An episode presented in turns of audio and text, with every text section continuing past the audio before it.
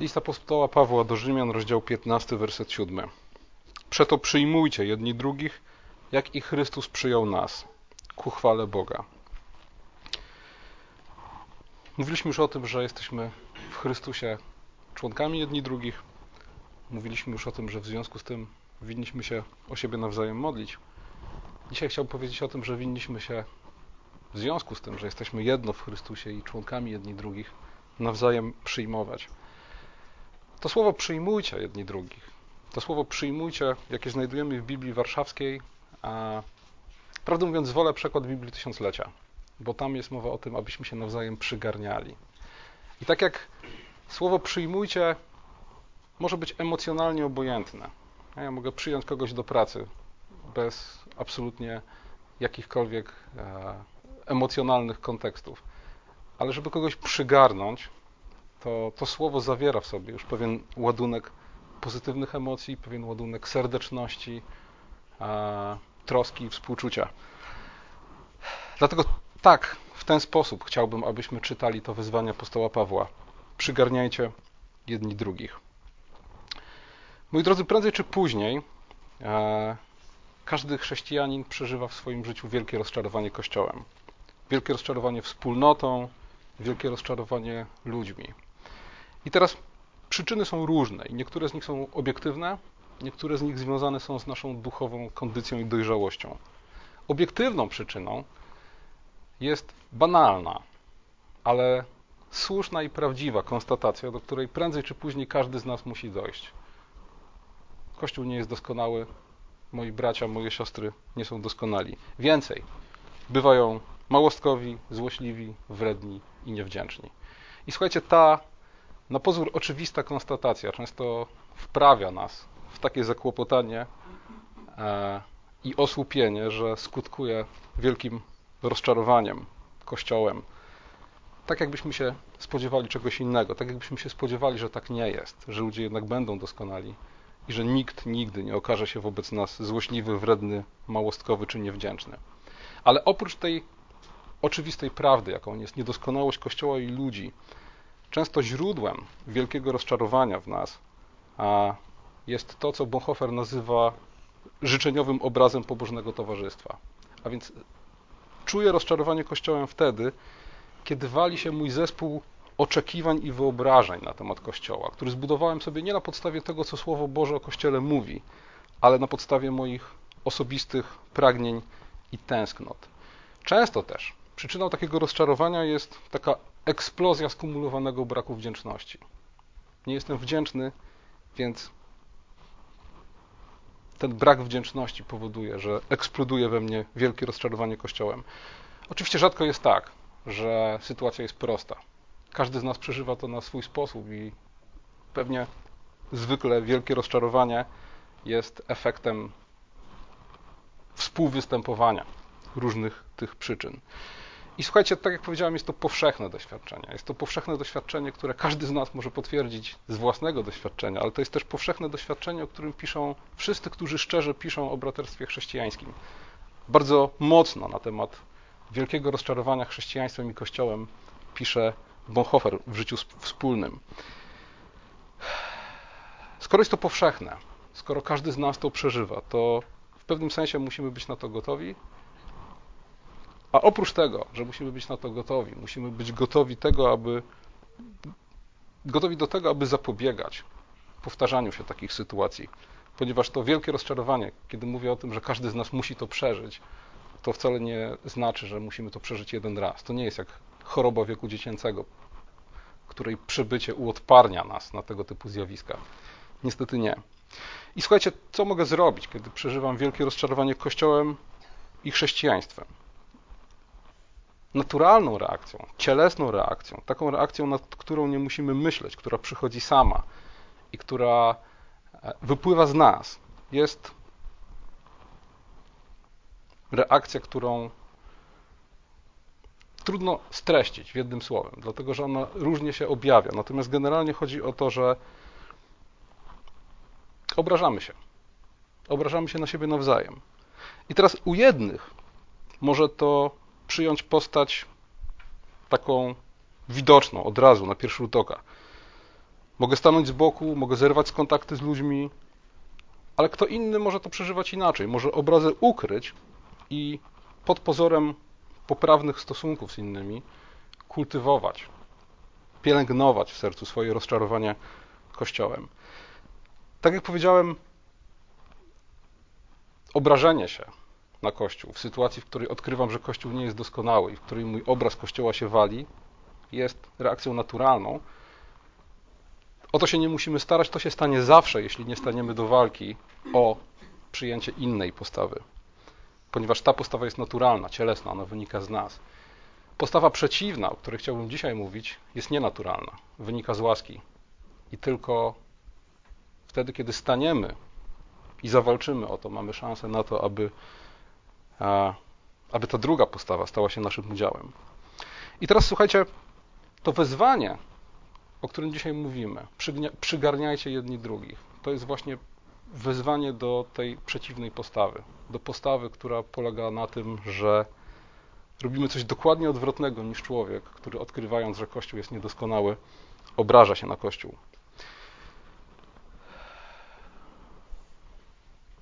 Czym jest tak naprawdę przygarnianie siebie nawzajem, przyjmowanie siebie nawzajem? Przyjąć brata oznacza po pierwsze podjąć zobowiązanie, że będę traktował go jak brata. Przyjąć wobec brata postawę gotowości do tego, żeby zachęcać, służyć, pomagać, wspierać. Przyjąć postawę takiej trwałej i niezłomnej gotowości do tego, aby być jedni dla drugich, tak jak mówi o tym Słowo Boże. Przyjąć brata oznacza otoczyć go akceptacją i troską. I słuchajcie, słowo akceptacja jest tutaj kluczowe, dlatego że tak naprawdę nie jestem w stanie robić żadnej z rzeczy, o, której na kolejn- o których na kolejnych kazaniach będziemy mówić. Nie jestem w stanie w sposób biblijny pouczać, napominać, zachęcać, nosić ciężarów innego człowieka, jeśli go nie zaakceptuję, jeśli go nie przyjmę takiego, jakim jest. I oczywiście, słuchajcie, przyjmujemy naszych braci tak, jak Chrystus przyjął nas z całym dobrodziejstwem tak, inwentarza.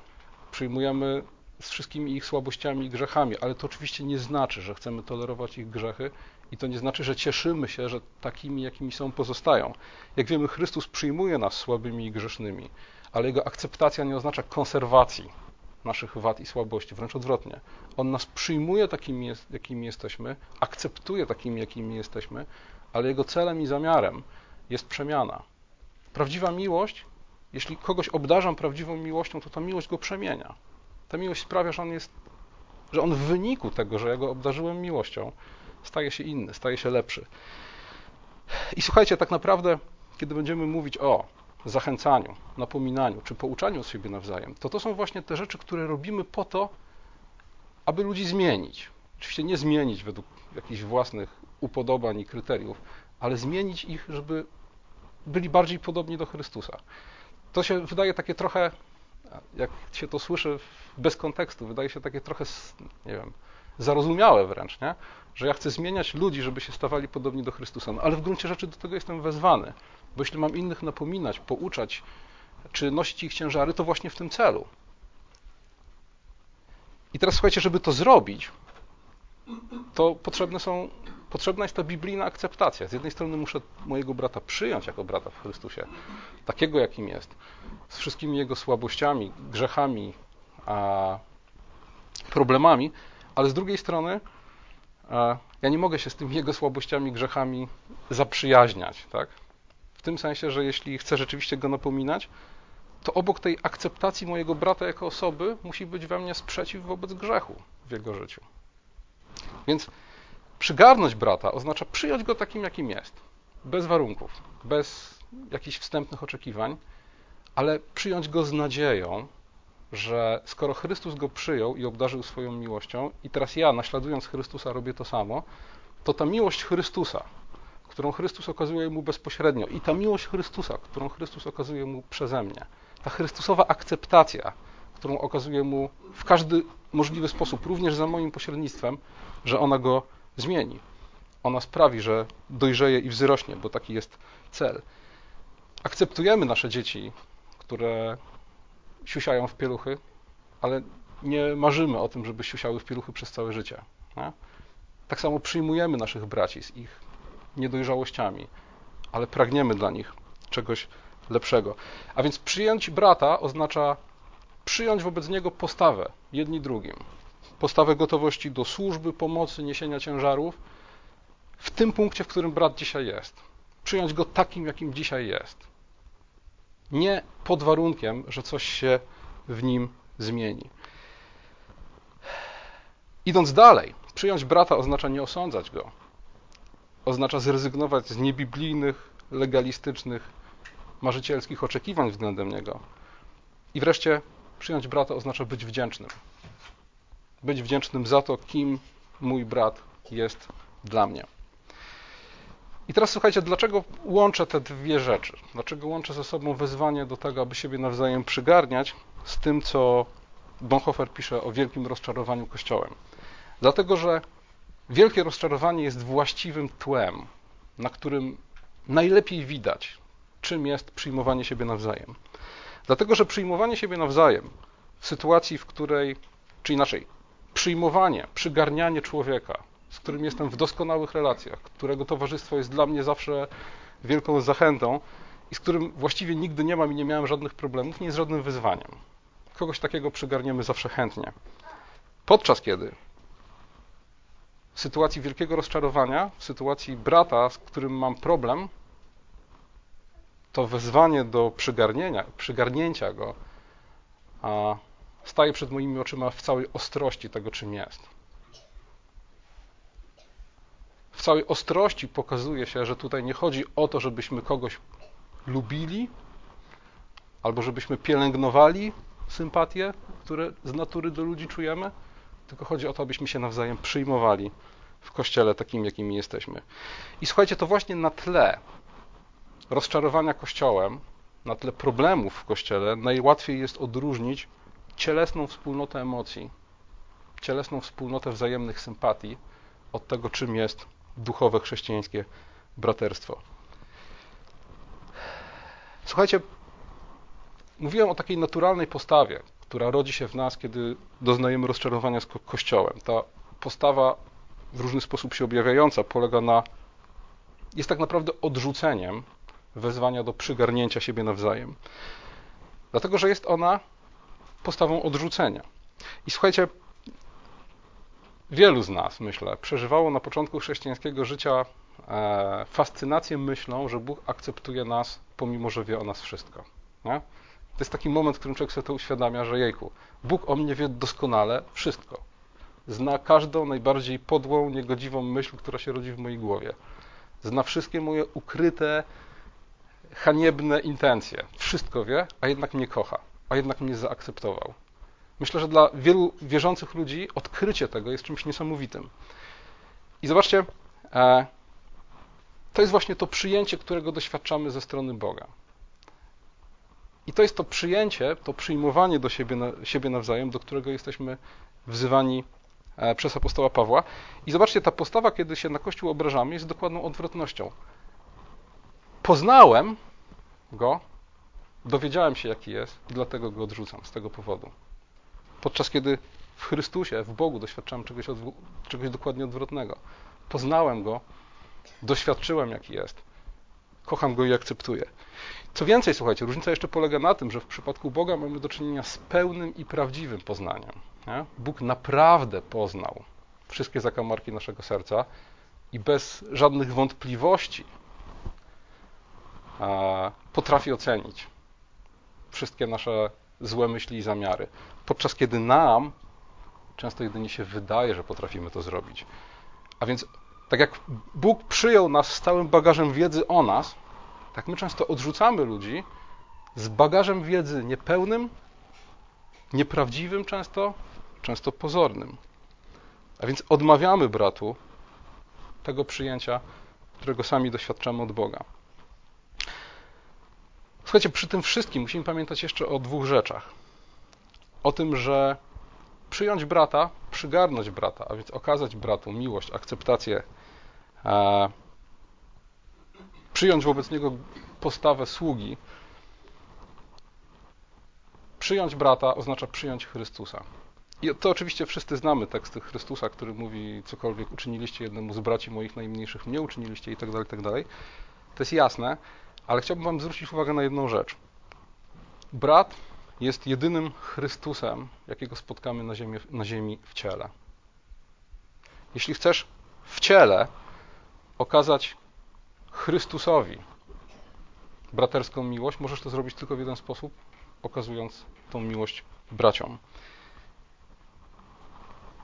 I dokładnie to ma Chrystus na myśli, mówiąc, cokolwiek uczyniliście jednemu z braci moich najmniejszych, mnie uczyniliście. A więc zawsze, jeśli ten zły, niebiblijny sposób odrzucamy brata, zawsze, kiedy odmawiamy mu akceptacji, zawsze, kiedy odmawiamy mu tego przyjęcia i przygarnięcia, pamiętajmy, że robimy to wobec Chrystusa tak naprawdę.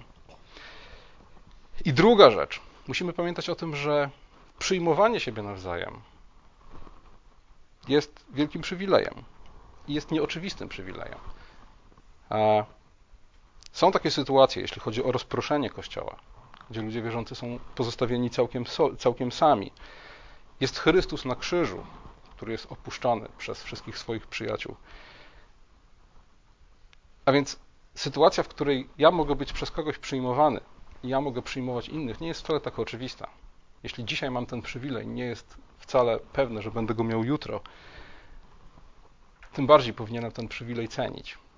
Tym bardziej powinienem zabiegać o to, aby przygarnąć moich braci, tak jak zostałem do tego wezwany. Przyjmując brata, przygarniając go, okazując mu miłość i akceptację, przyjmuję Chrystusa. Odrzucając brata, odrzucam Chrystusa. Przyjmując brata i sam doświadczając tego, że jestem przyjmowany, przygarnięty przez brata, uczestniczę w czymś, co jest wielkim przywilejem i tak jak pisze Bonhoeffer, zapomina się często, iż może tylko krótki czas dzieli nas od najgłębszej samotności. A człowiek, który jest często obdarowywany, na przykład przywilejem braterskiej społeczności, niestety często łatwo może tym przywilejem wzgardzić. Zwróćcie uwagę na to, że apostoł Paweł, kiedy wzywa nas do tego, abyśmy się nawzajem przyjmowali, przygarniali, używa jednego krótkiego porównania, jak Chrystus przyjął was. Nie? Przyjmujcie siebie nawzajem, jak Chrystus przyjął was. I tak naprawdę to sformułowanie, jak Chrystus przyjął was, jest tak bogate w treść, że ono samo wystarcza za cały komentarz do tego. Zobaczcie, ten sam zabieg apostoł Paweł zastosował e, w liście do Efezjan, kiedy mówi o miłości mężów do żon nie opisuje w detalach, jak powinna wyglądać miłość męża do żony, tylko mówi, mężowie miłujcie żony swoje, jak Chrystus umiłował Kościół. I, I, właściwie już, już wszystko jest jasne. Jaka ma być ta miłość, nie?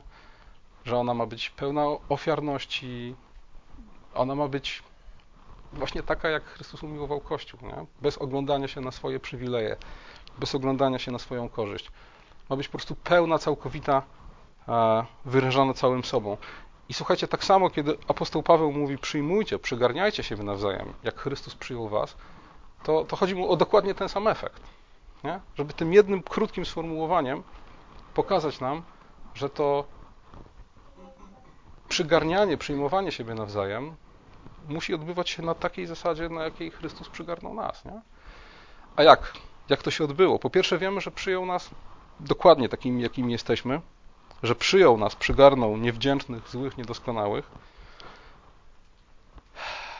z całą świadomością tego, kim jesteśmy, z całą świadomością tego, kim będziemy w przyszłości, z całą świadomością wszystkiego, co się wiąże z moim osobistym życiem.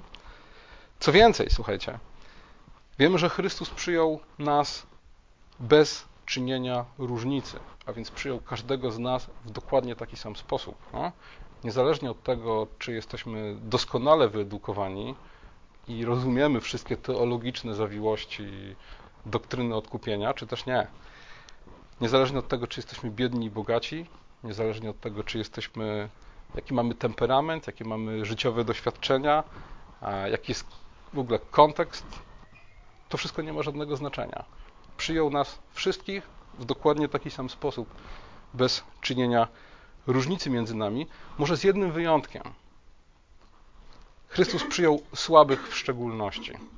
I na to zwraca uwagę w wielu miejscach Słowo Boże, że tak jak przyjmować się powinniśmy nie czyniąc różnicy pomiędzy braćmi, tak jedyny wzgląd, jaki powinniśmy mieć na to, co zewnętrzne, to jest wzgląd na słabość.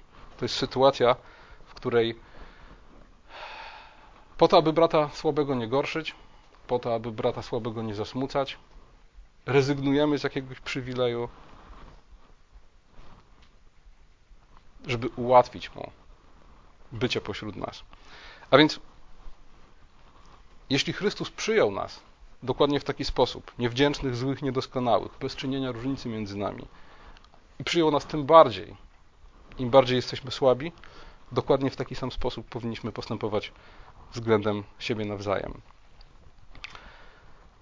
Słuchajcie, jeśli chodzi o te przyczyny, które e, doprowadzają w życiu każdego z nas do rozczarowania Kościołem, a co za tym idzie często do odrzucania siebie nawzajem, to myślę, że warto też o dwóch spośród nich wyraźnie wspomnieć, e, po to, abyśmy byli gotowi na to, by w swoim życiu z tymi przyczynami sobie radzić. Pierwsza rzecz to jest niewdzięczność. I słuchajcie, tutaj Bonhoeffer pisze bardzo ważną rzecz, że e, we wspólnocie chrześcijańskiej, tak jak w każdej innej e, dziedzinie chrześcijańskiego życia, kto nie jest wdzięczny za małe rzeczy, ten nie powinien oczekiwać wielkich. Więc jeśli, będąc w kościele, będąc pośród braci, nie dziękuję za moich braci, takich jakimi są. Nie dziękuję za to, czym zostałem w kościele obdarowany, bo na przykład uważam, że nie mam za co dziękować, bo to wszystko jest zbyt małe, słabe i marne. Nie powinienem spodziewać się e, niczego więcej.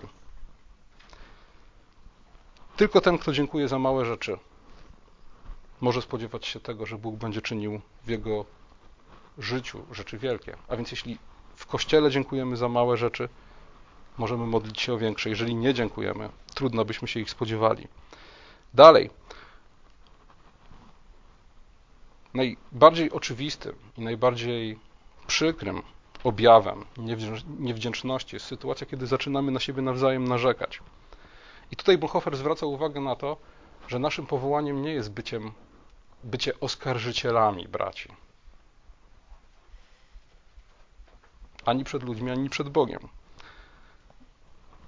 Zawsze, kiedy przyjmujemy postawę narzekania wobec siebie nawzajem, przyjmujemy tak naprawdę pozycję oskarżyciela. A to nie jest pozycja, to nie jest powołanie nasze. Naszym powołaniem jest wdzięczność. Naszym powołaniem jest raczej wstawiać się do Boga za sobą nawzajem, tak jak Chrystus wstawia się za nami. On przed Bogiem nie występuje jako nas, nasz oskarżyciel, choć mógłby, bo doskonale zna wszystkie nasze grzechy i słabości. On występuje przed Bogiem raczej jako nasz obrońca. Więc jeśli chcemy go w tym naśladować, raczej powinniśmy dziękować, raczej powinniśmy wstawiać się, niż narzekać na siebie nawzajem. Kolejna rzecz to jest jedna w ogóle z fundamentalnych myśli zawartych w tej książce Życie Wspólne na temat życia wspólnego. To jest to, co Bonhoeffer nazywa marzycielstwem. Życzeniowy obraz pobożnego towarzystwa. To są nasze cielesne wyobrażenia na temat tego, jaki powinien być Kościół. I oczywiście słuchajcie, czym jest marzycielstwo i czym jest ten życzeniowy obraz, to trudno, trudno to w jakiś krótki sposób streścić, dlatego że ten życzeniowy obraz może być różny w różnym czasie i w różnych środowiskach. Są, słuchajcie, ludzie, dla których e, pobożne towarzystwo to jest towarzystwo estetyczne. A więc takie towarzystwo, w którym e, nikt nie pozwoli sobie na żadną ekstrawagancję.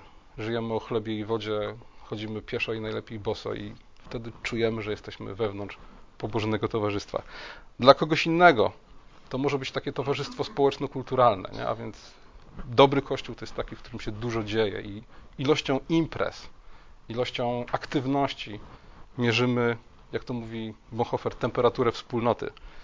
Dla innych e, taki życzeniowy obraz to może być obraz ludzi e, wiecznie zadowolonych. Też być może się w młodości spotkaliście z takim e, poglądem, że chrześcijanin to ktoś, kto powinien być po prostu tryskać sukcesem.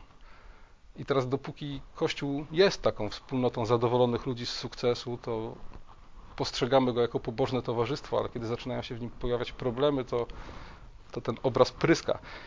Niekiedy z kolei Kościół taki życzeniowy może być dla kogoś przede wszystkim wspólnotą emocji, nie? grupą wsparcia w takim psychologicznym, a nie duchowym znaczeniu. To są tylko przykłady. To jest kwestia mody. To jest, słuchajcie, tak jak wśród nastolatków.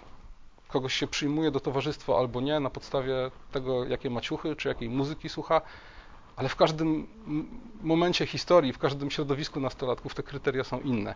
Za każdym razem są złe. Za każdym razem są złe w tym sensie, że nie powinniśmy akceptacji wobec człowieka uzależniać od żadnej z tego typu rzeczy. I tak samo, słuchajcie, żadna z tego typu mód, bo to jest moda tak naprawdę, nie powinna kształtować naszego obrazu Kościoła.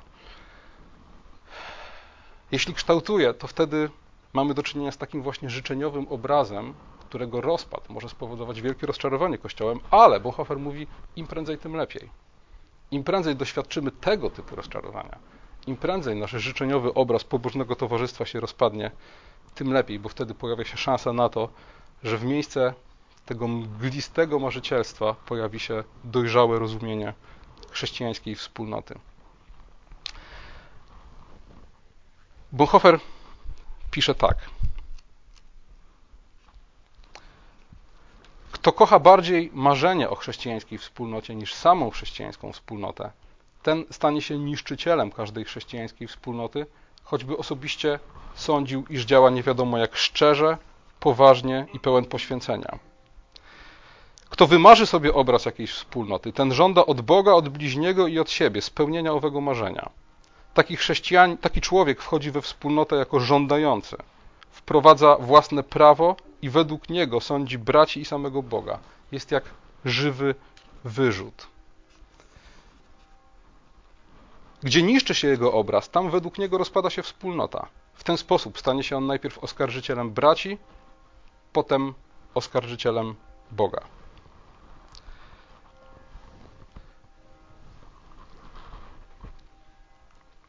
Jakie wnioski, jakie praktyczne wskazówki wypływają dla nas z tego, o czym dzisiaj mówiliśmy?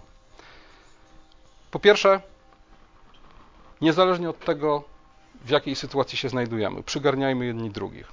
Przygarniajmy siebie nawzajem, przyjmujmy siebie nawzajem, jak Chrystus przyjął nas. Pamiętajcie moc tego obrazu. Moc, która jest ukryta w niewielu słowach. Dokładnie tak samo jak w liście Efezjan moc obrazu miłości małżeńskiej. Bez detalicznego, bez takiej detalicznej wymienianki, jaki powinien być mąż wobec żony, apostoł Paweł mówi po prostu jak Chrystus wobec Kościoła. I tutaj tak samo, bez detalicznej wymienianki, w jaki sposób powinniśmy się do siebie nawzajem odnosić, jeśli chcemy się nawzajem przyjmować i przegarniać, apostoł Paweł mówi po prostu: zróbcie to tak jak Chrystus z wami. Nie? On doskonale wie, jaki jesteś, on doskonale zna wszystkie Twoje słabości, on doskonale zna wszystkie Twoje niedostatki i on Cię takiego przyjął. I on Cię przyjął dokładnie tak samo, jak w tym samym czasie kogoś zupełnie innego od ciebie. Nie patrząc na to, że ty jesteś wykształcony, on nie, albo odwrotnie, że ty jesteś biedny, on bogaty, albo odwrotnie, że ty rozumiesz, a tamten nie rozumie. Żadna z takich rzeczy nie miała znaczenia. On cię po prostu przyjął jako zgubionego grzesznika. I przyjął cię nie po to, żeby cię zakonserwować w stanie, w jakim jesteś, w stanie twoich słabości, grzechów i, i różnych innych problemów, ale po to, żeby cię swoją miłością przemienić więc czyń wobec swoich braci dokładnie tak samo. Słuchajcie, w kościele najprostszym zastosowaniem, i to zastosowaniem, słuchajcie, które zaskakująco często jest zaniedbywane, są kryteria członkostwa i a, przystępowania do stołu pańskiego. Nie? Są kościoły, w których, żeby zostać członkiem, nie wystarczy wyznać wiarę w Chrystusa i nawrócić się. Trzeba spełnić jeszcze całą masę dodatkowych warunków. Od kursów teologicznych, począwszy po e, deklaracje doktrynalne czy deklaracje dotyczące stylu życia. Nie? Tego nie wolno. Jeśli Chrystus kogoś przyjął, my nie możemy go odrzucać. I dokładnie tak samo jest ze stołem pańskim. Wiele kościołów praktykuje tak zwaną zamkniętą komunię. a więc komunię, która jest ograniczona, do której dopuszcza się tylko członków tego kościoła, albo na przykład kościołów, z którymi ten kościół podpisał jakieś specjalne porozumienia w tej kwestii. Wiele kościołów dopuszcza do stołu pańskiego tylko na podstawie e, pełnej jednomyślności w wielu kwestiach doktrynalnych, na przykład w rozumieniu wieczerzy pańskiej. Znowu, czy mamy prawo tak robić? Moim zdaniem nie. Kogo Chrystus przyjął, ty nie odrzucaj.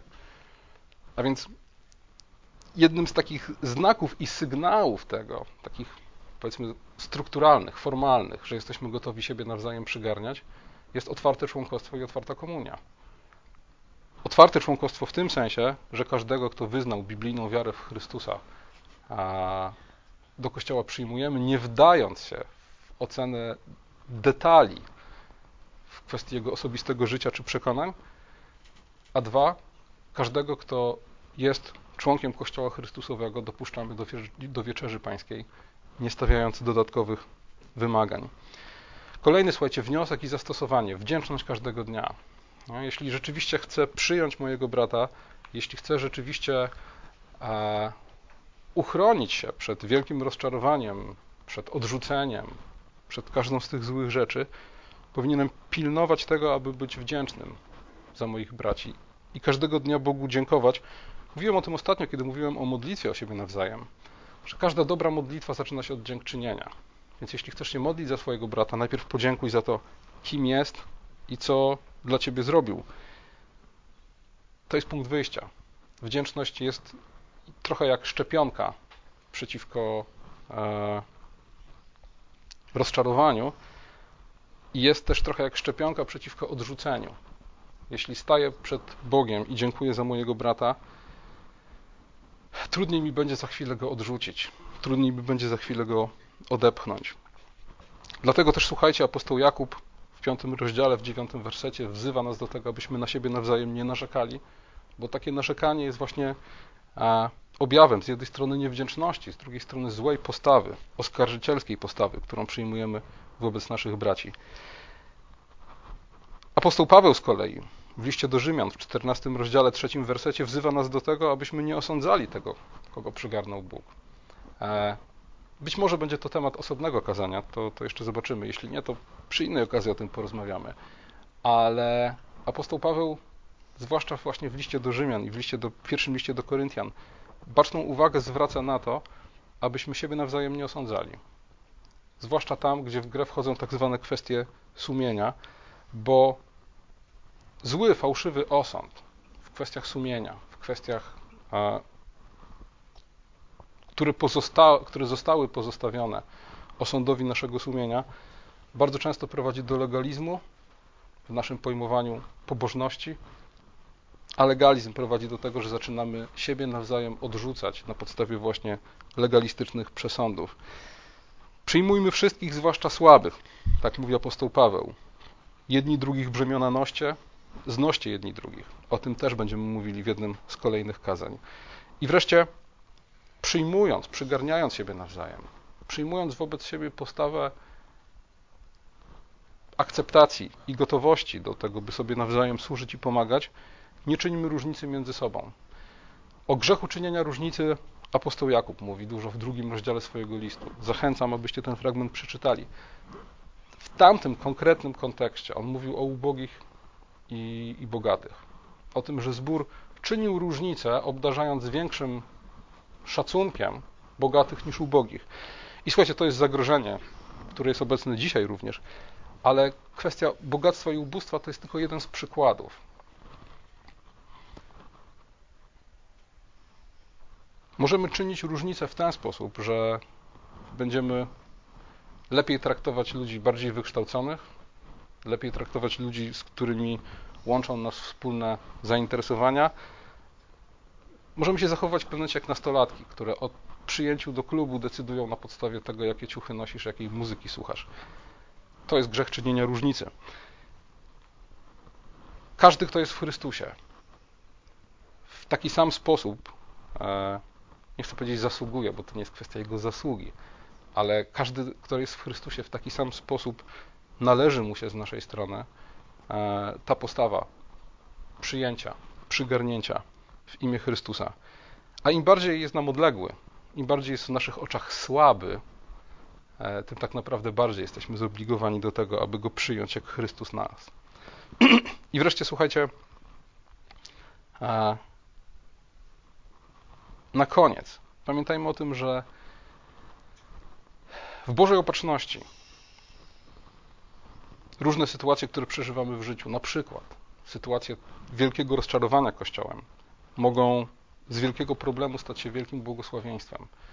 Właśnie wtedy, kiedy ta sytuacja zostanie w naszych sercach, w naszych głowach przepracowana w oparciu o Boże Słowo. Kiedy zobaczymy, że to właśnie na tle problemów, które mamy z ludźmi, które ludzie mają z nami, najlepiej widać, czym tak naprawdę jest duchowe braterstwo, czym jest przyjmowanie siebie nawzajem, czym jest bycie członkami jedni drugich, bo wtedy trudno to pomylić e, z, ze wspólnotą emocji i wzajemnych sympatii. Wtedy widać wyraźnie, czym jest tak naprawdę duchowe braterstwo. Amen.